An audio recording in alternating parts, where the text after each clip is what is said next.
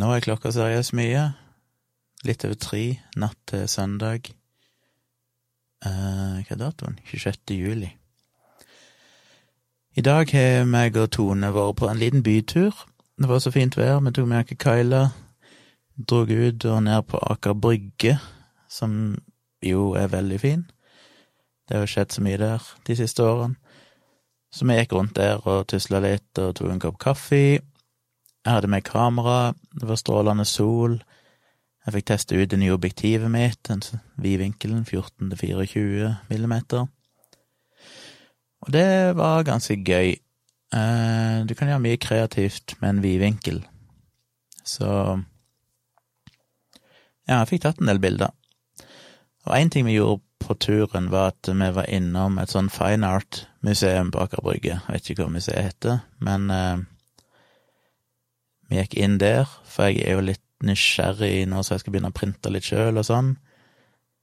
Som jo ofte kalles for fine art, når du printer litt sånn eh, på litt høy kvalitetspapir og sånn. Så jeg var nysgjerrig på de bildene som var der inne. Og det syns jeg var overraskende interessant. Jeg merker at det interesserer meg mer enn det jeg trodde.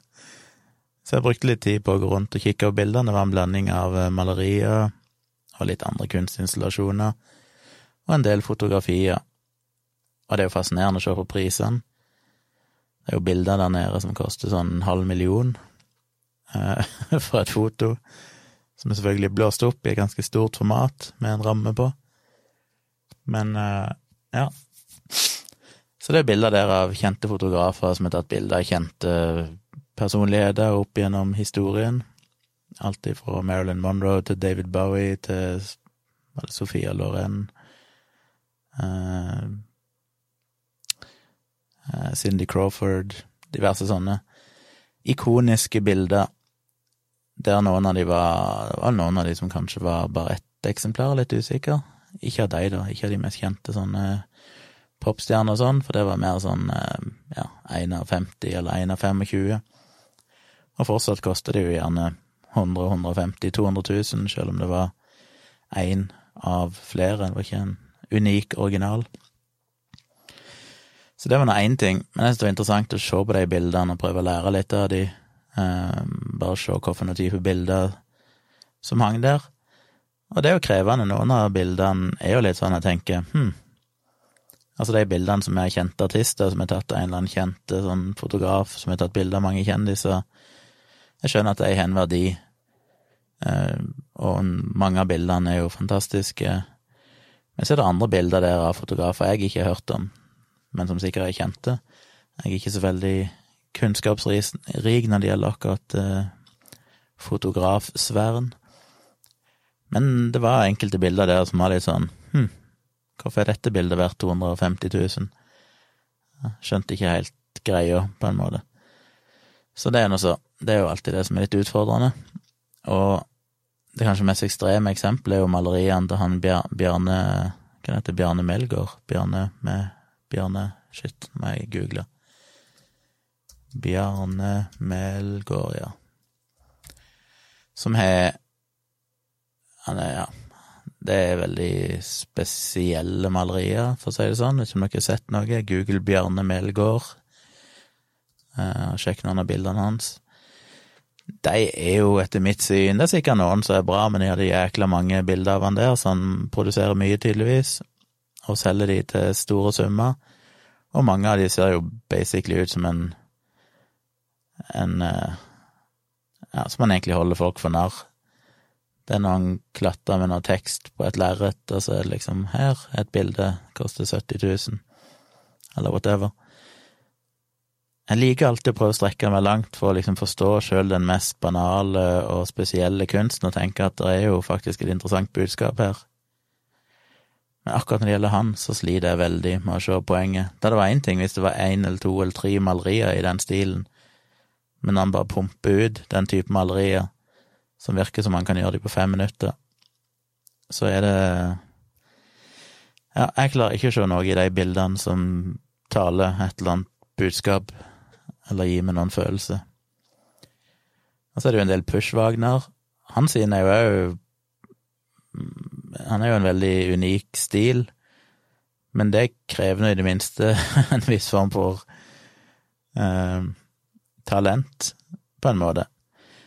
I tillegg til at du kan se at han har et tydelig budskap med mange av bildene, en eller annen samfunnskritikk eller et eller annet, som er iallfall tydeligere å se hos han. Selv om jeg ikke akkurat hadde hatt noe spesielt behov for han Push og enda mindre enn Bjarne Melgaard på veggen. Og så er det jo andre igjen, da, som er helt fantastiske. Det var jo to bilder de hadde der, en av eh, Clint Eastwood og en av Steve Jobs, eh, som begge så ut som fotografier. Dere har sikkert sett det mest kjente Steve Jobs-bildet, holdt jeg på å si. Eh, da han var vel Ja, jeg vet ikke om jeg skal forklare det, men det er et helt svart-hvitt portrettbilde der han vil holde seg på haga eller et eller annet sånt, jeg husker ikke helt i farten. Men så har han fyren her, han kunstneren her, har basically malt bildet på nytt. Men han har jo malt det fotorealistisk, så jeg trodde jo først det var et fotografi. Fram til jeg liksom så nærmere, så oi, shit, det er faktisk et maleri. Men så har han framfor munnen en uh, tyggegummiboble, så jeg tror ut de blåser en tyggegummiboble. Og det samme han gjort med de ikoniske bildene av Clint Eastwood, det mest kjente bildet av Clint Eastwood der han har gjort det, det samme. og det er sånn, det krever jo både et enormt talent å faktisk kunne male så fotorealistisk, også på en måte knuse han hele det kunstneriske aspektet ved å putte den der tyggegummiboblen og lage et eller annet veldig, veldig naivt og, eller banalt, som er en deilig eh, kontrast, på en måte. Og tar på en måte litt brodden av den autoriteten bildene i utgangspunktet har, å bare få de til å blåse tyggegummibobler. Så det, det kan jeg sette pris på. I tillegg til, som sagt, mange av disse bra fotografiene og sånne ting. Så jeg, alt i alt så syns jeg bare det var kult, og når jeg var der, så ble jeg faktisk litt inspirert. Jeg måtte tenke litt over bildene mine, for det, det er krevende, og jeg er jo relativt fersk fotograf. Jeg har bare holdt på i halvannet år, egentlig. Og det er vanskelig, og det vil sikkert ta lang tid før han finner sin stil og liksom føler seg litt tryggere på det han gjør, ehm, for det er fryktelig vanskelig. Jeg I dag er jeg ute og tok bilder, som sagt, nede på Aker Brygge, og noe av det vanskeligste er å Du kan se et motiv med øynene, jeg kan, jeg kan se det og tenke shit, dette var ny, nydelig. Men, du tar, men du ser det jo i 3D, og det er et eller annet med når du tar opp kamera og skal fange det samme bildet i to dimensjoner bare, så blir det veldig flatt. Og det å finne den komposisjonen da, som faktisk gjør bildet interessant, som på en måte klarer å fange det du kan se når du er der i tre dimensjoner, er jækla vanskelig. Og det er mange som jobber med det. Alle YouTube-videoene jeg ser av fotografer, så er det jo folk som har forskjellige triks. Enten det er å myse med øynene, Altså lukke øynene litt sånn sammen, sånn at du myser på en måte. Så du mister litt av detaljene og fargene og ser mer liksom bare kontraster. Det er én måte å se på å finne gode motiver. Andre bruker mobiltelefonen, og heller se på verden gjennom mobiltelefonen, og så skal du på eh, kameraet altså se på skjermen, for da ser du på en måte den todimensjonale versjonen som eventuelt blir fanga på et bilde når du tar det sjøl. Det kan være en måte å gjøre det på, men det er krevende.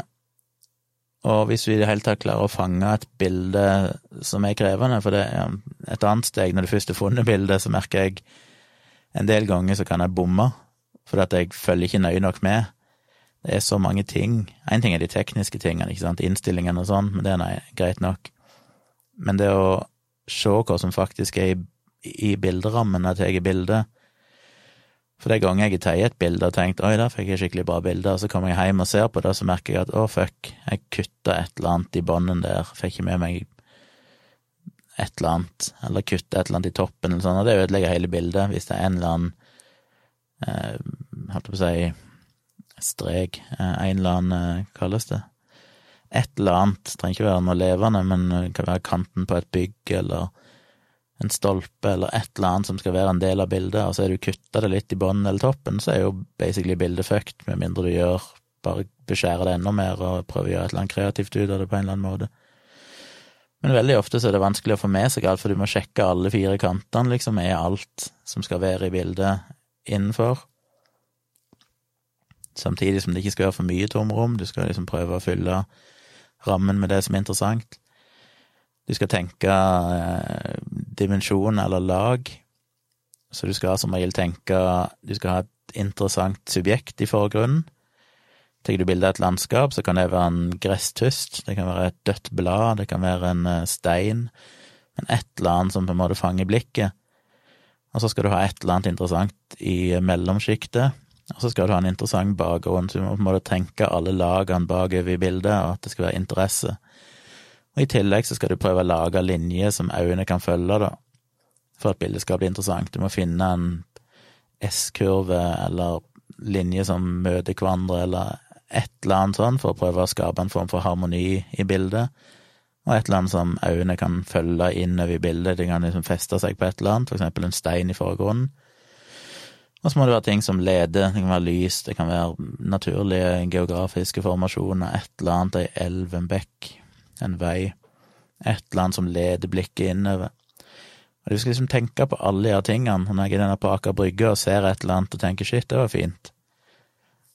Så skal du prøve å ta bilder da, og tenke på alle de tingene, og én ting er jo hvis du har sånn som en del landskapsfotografer som da går ute alene og kan finne et motiv, lete rundt, teste ut forskjellige synsvinkler, plassere et stativ, sette kamera på, komponere bildet, bruke lang tid på det. Når du går ute, og det er masse folk, og ting beveger seg og flytter seg, og det er vanskelig å liksom få den roen, så må du ta litt sjanser. Og så er det jo en av de største utfordringene, syns jeg, for jeg liker bilder som er ganske reine. Eh, og det er jo generelt sett gjør fotografer, det. I de fleste tilfellene så ønsker en ikke at det er for mye støy i bildet, altså for mange elementer som gjør det vanskelig å vite hva du skal fokusere på.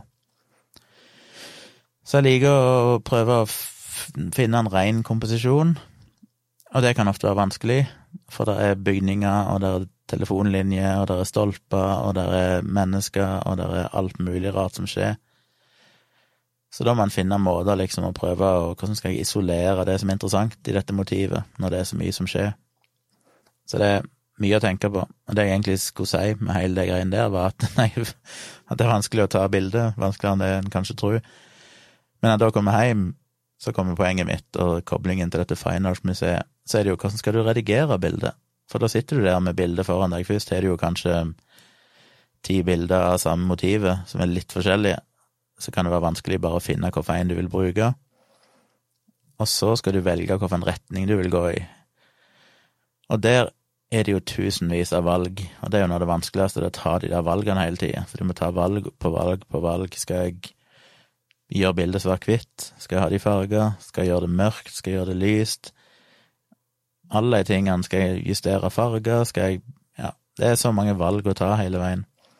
Og det jeg oppdaga da jeg var på det Fine Art-museet, det var jo egentlig å se hvor lite realistiske mange av bildene der var. At du kunne, Nå tenker jeg ikke på portrettene, de er ganske plain, stort sett bare svart-hvitt. Men de andre bildene, som kunne være bygninger eller et eller annet, de var helt åpenbart manipulert på en eller annen måte.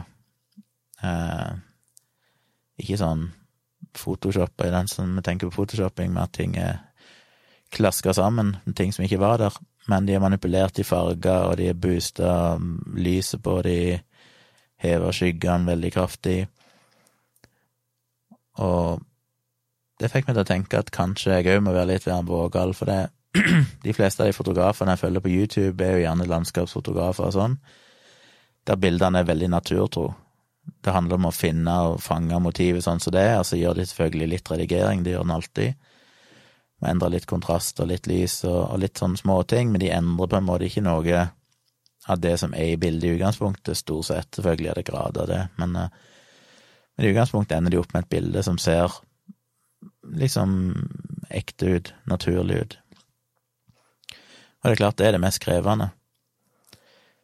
Og jeg har vel ofte prøvd det og følt meg litt fake hvis jeg gjør for mye ut av et bilde, men ofte så har jeg lyst til å gjøre mer ut av bildet, jeg har lyst til å gjøre det mer til et slags kunstverk enn at det skal være naturtro.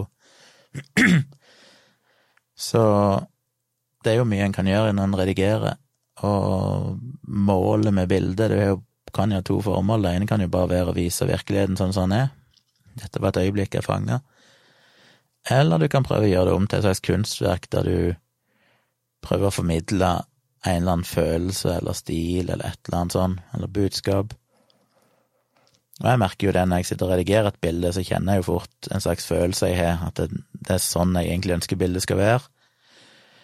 Men da må jeg kanskje manipulere det en del med farger lys og alt mulig, og så tør jeg kanskje ikke det, for da ser du jo at bildet er manipulert ganske tydelig. Så det var det jeg gjorde i dag. Jeg, av de bildene jeg tok, så endte jeg opp med ti stykk som jeg satt igjen med, og som jeg redigerte, og så tenkte jeg fuck it, la meg være litt kreativ. Så jeg eh, redigerte de litt kreativt. Um, og jeg syns de ble for så vidt kule. Um, som regel, nesten uansett hvor mange bilder jeg redigerer, så sitter jeg jo som regel igjen med ett bilde som jeg er stolt av. og det bildet posta jeg på Instagrammen min, på SivPix. Sjekk gjerne ut den. Og jeg posta det på eh, Facebook, og etter hvert må jeg få lagt det ut på fotogalleriet mitt òg, på foto.tjomli.com. Men ja, og det er et bilde av eh, et sånt vannspeil med en slags fontene utover fjorden, Oslofjorden, så du ser sjøen i bakgrunnen og bygninger på hver side, og så var det noen unger som lekte i det vannet. Og jeg kan ikke ta bilde av ungene og legge ut, men jeg prøvde å fange bilder der du ikke ser ansiktene til ungene, og i et bilde så la jeg kameraet helt ned på vannspeilet, altså nesten helt ned på bakken, med vidvinkel, og tok bilde mens noen unger hoppet foran. Og da var det et bilde som er veldig kult, med en gutt som har en litt fin positur, og ei jente litt mer i bakgrunnen, og solet på himmelen, med solstråler og alt, og skyer og fint. Og det bildet gjorde jeg svart-hvitt, og lagde veldig sånn hard kontrast, sånn at eh, det endte opp med at den gutten ser du ingenting annet enn bare en svart Eh, silhuett, og syntes det ble ganske kult. Så det var det ene bildet jeg liksom sitter igjen med og tenker mm, det var kult, det var jeg ganske fornøyd med. Og så er det et par andre bilder som jeg syns var sånn, ja, ganske bra. Um, er ikke like fornøyd med alle. Men iallfall, jeg tror jeg skal prøve å kanskje selvfølgelig variere litt, men kanskje våge å være, gå litt mer sånn som jeg føler bildet skal være, selv om det ikke lenger er naturtro. Så Og jeg merker jo det at ofte så Det er jo litt trist, kanskje, men det er nok Folk eh, setter jo pris på det. Jeg merker jo at folk likte de bildene. Det var en litt sånn bekreftelse på at ja, kanskje jeg skal stole litt mer på at jeg må bare tørre å kjøre på og gjøre det jeg vil med bildene. Så det var dagens lærdom for min del. Men det var i hvert fall gøy. Jeg digger det objektivet, det er kult, og nå har jeg jo som sagt eh, i går så var vi ute og gikk, og posta det bildet av det ekornet som dere sikkert har sett. Og da tok jeg bilder med det 100-400, sånn tele, zoom teleobjektiv som du kan ta zoome veldig langt inn, og ta bilder av små ting på avstand. Det syns jeg er veldig gøy, og dette var på en måte den rake motsetningen i dag. Da gikk det en ekstrem vidvinkel. sånn at skal du ta bilde av et eller annet, og det skal være midt i bildet, så må du liksom helt inn på det, for ellers blir det jo bare knøttsmått. For du får med så veldig mye av omgivelsene. Så jeg liker på en måte de, de ekstremitetene. En annen hyggelig mm, greie som skjedde i dag, var at jeg eh, gikk gjennom spamfilteret mitt, som jeg gjør daglig.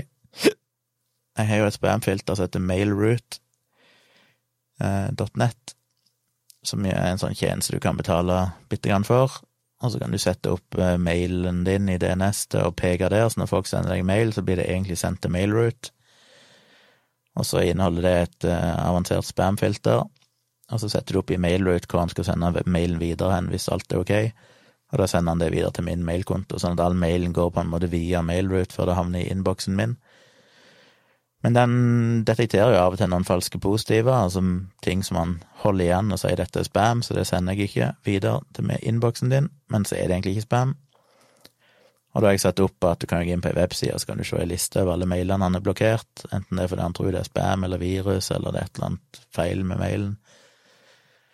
Eh, men i tillegg så har jeg satt opp at han sender meg to sånne rapporter om dagen, en om morgenen og en om kvelden, der han lister opp alle mailene som er blitt stoppa, så kan du dobbeltsjekke om det faktisk stemmer eller ikke. Og der var det plutselig en mail jeg holdt på å overse, for det ja, var bare noe med avsender og tittel som jeg ikke kjente, liksom jeg umiddelbart så litt spammy ut. Men så så jeg litt nærmere på det, så tenkte jeg hm, det må jeg bare sjekke. Så jeg klikka meg inn og så hva mailen faktisk inneholdt.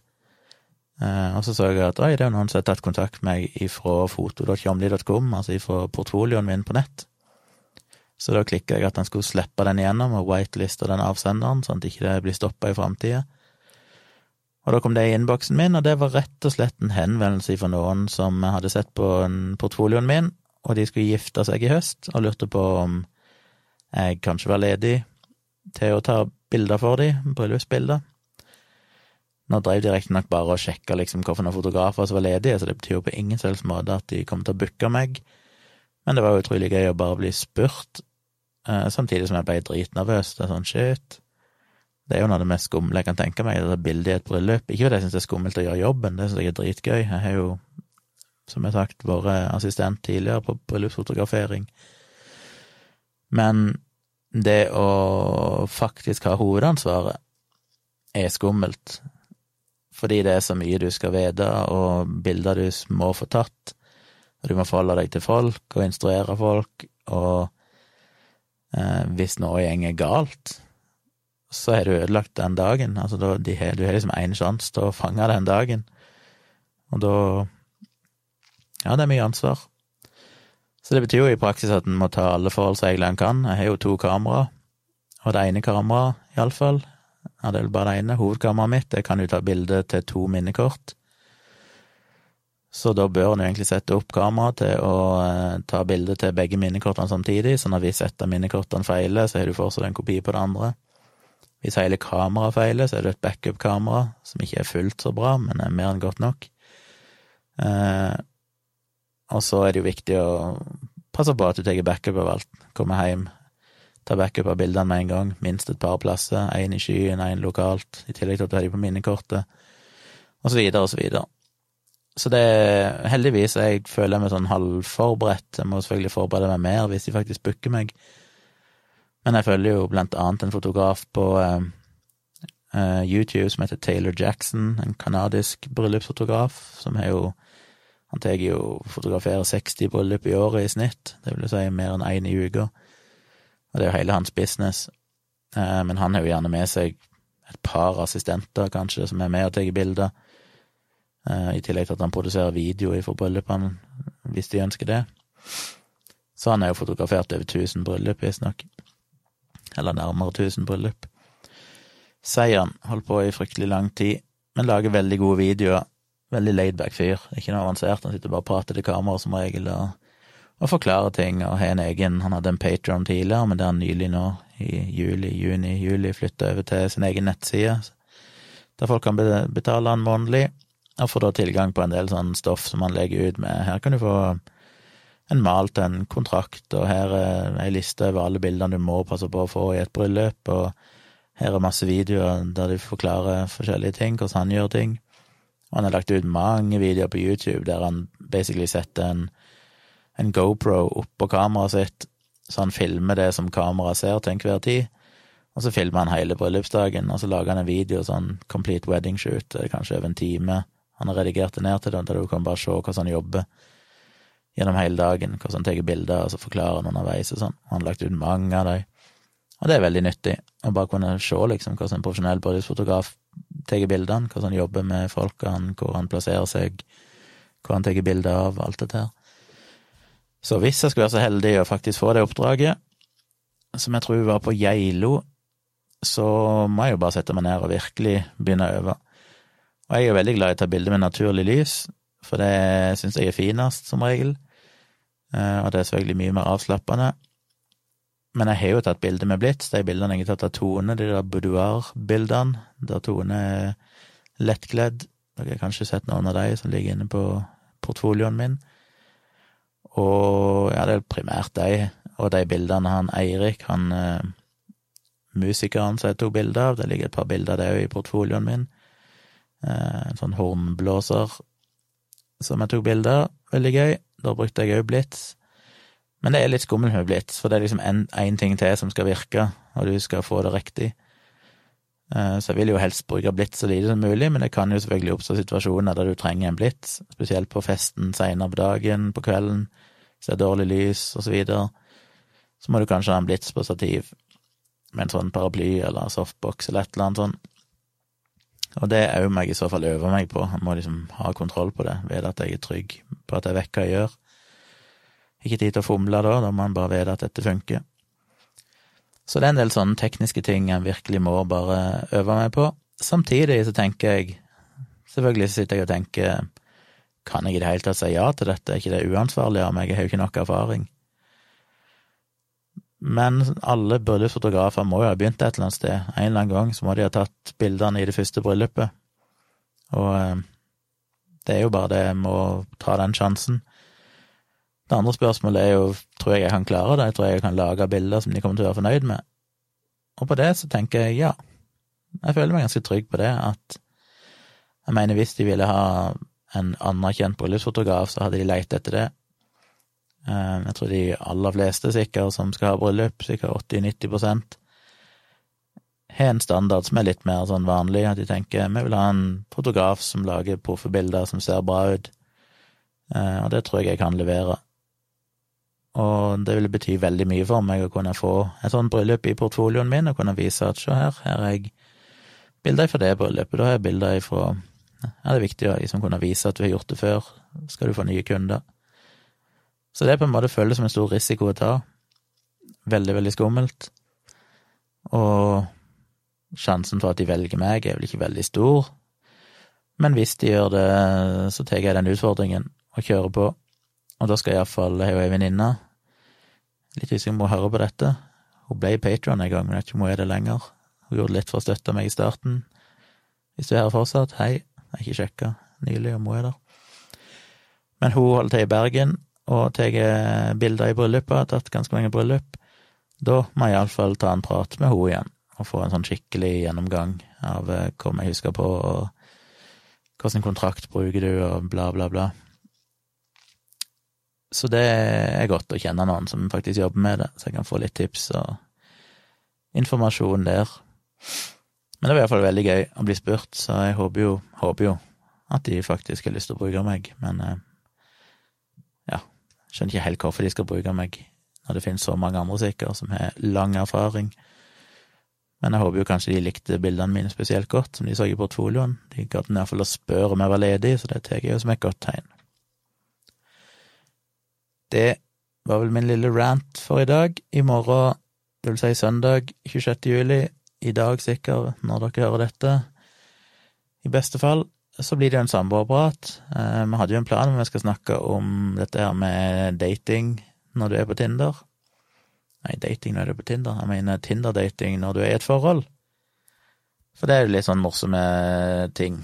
Utfordringer og eh, rariteter som oppstår, og ja, litt vanskelig for en del andre på Tinder å kanskje forstå greia. Og som eh, mann og kvinne så er vi kanskje litt litt forskjellig erfaring òg, med hvordan den andre parten opplever det.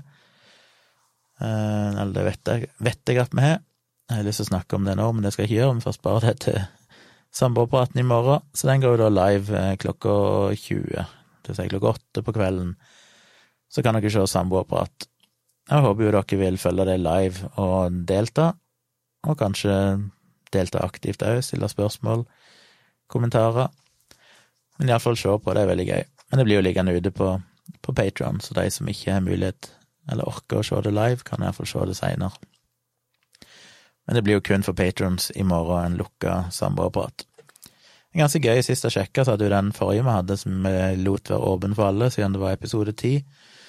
Jeg har hatt uh, over 400 views. Det er jo litt kult.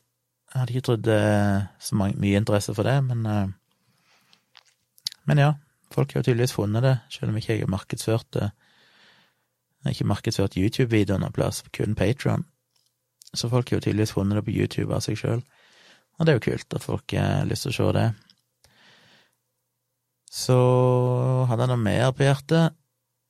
Nei. Kunne sikkert snakke om 90 Days, som er nettopp satt oppe nå til altfor seint, som sagt, for å se en sånn oppsummeringsepisode. Hver sesong slutter med at de samler deltakerne i studio, og så sitter de og tar opp temaene og sitter og krangler, og i dag var det skikkelig Jerry Springer-tendenser der det var hyling og skriking, og folk gikk ut og ville ikke være med mer. Skikkelig drama. Men anyway, det får være nok for i kveld, jeg må få kommet meg i seng. Det eneste jeg ville avslutte med, var at i morgen så lurer jeg på, jeg hadde lyst til å gjøre det i dag, men jeg rakk det ikke, for vi var ute i byen ganske lenge, men jeg har faktisk litt lyst til å lage en redigeringsvideo i morgen. Og rett og slett eh, gå gjennom hvordan jeg redigerer et bilde, og filma det. Filma skjerm, eller screen recorder, og filma meg sjøl. Og se om jeg kan lage en liten video. Utfordringen er å prøve å gjøre det så enkelt som mulig, sånn at jeg slipper å redigere noe særlig, men basically bare skru på og kjøre på, og gjør det For ellers, hvis jeg begynner å redigere mye, så tar det så jæklig lang tid. Men jeg har litt lyst til det. Um, det tror jeg kan være nyttig for folk å se, det er gøy for meg å lage, så mulig jeg lager en video i morgen. Hvis jeg er heldig, så klarer jeg til og med å få den ut i morgen, det er sikkert for mye å forvente, men, men den blir nok åpen på YouTube, da, så dere kan eventuelt sjekke den ut. Så da håper jeg dere har hatt ei en fin helg og får en fin søndag, og så håper jeg vi ses på kvelden klokka åtte til en samboerprat live. Så god natt, eller god morgen, eller god dag, eller whatever.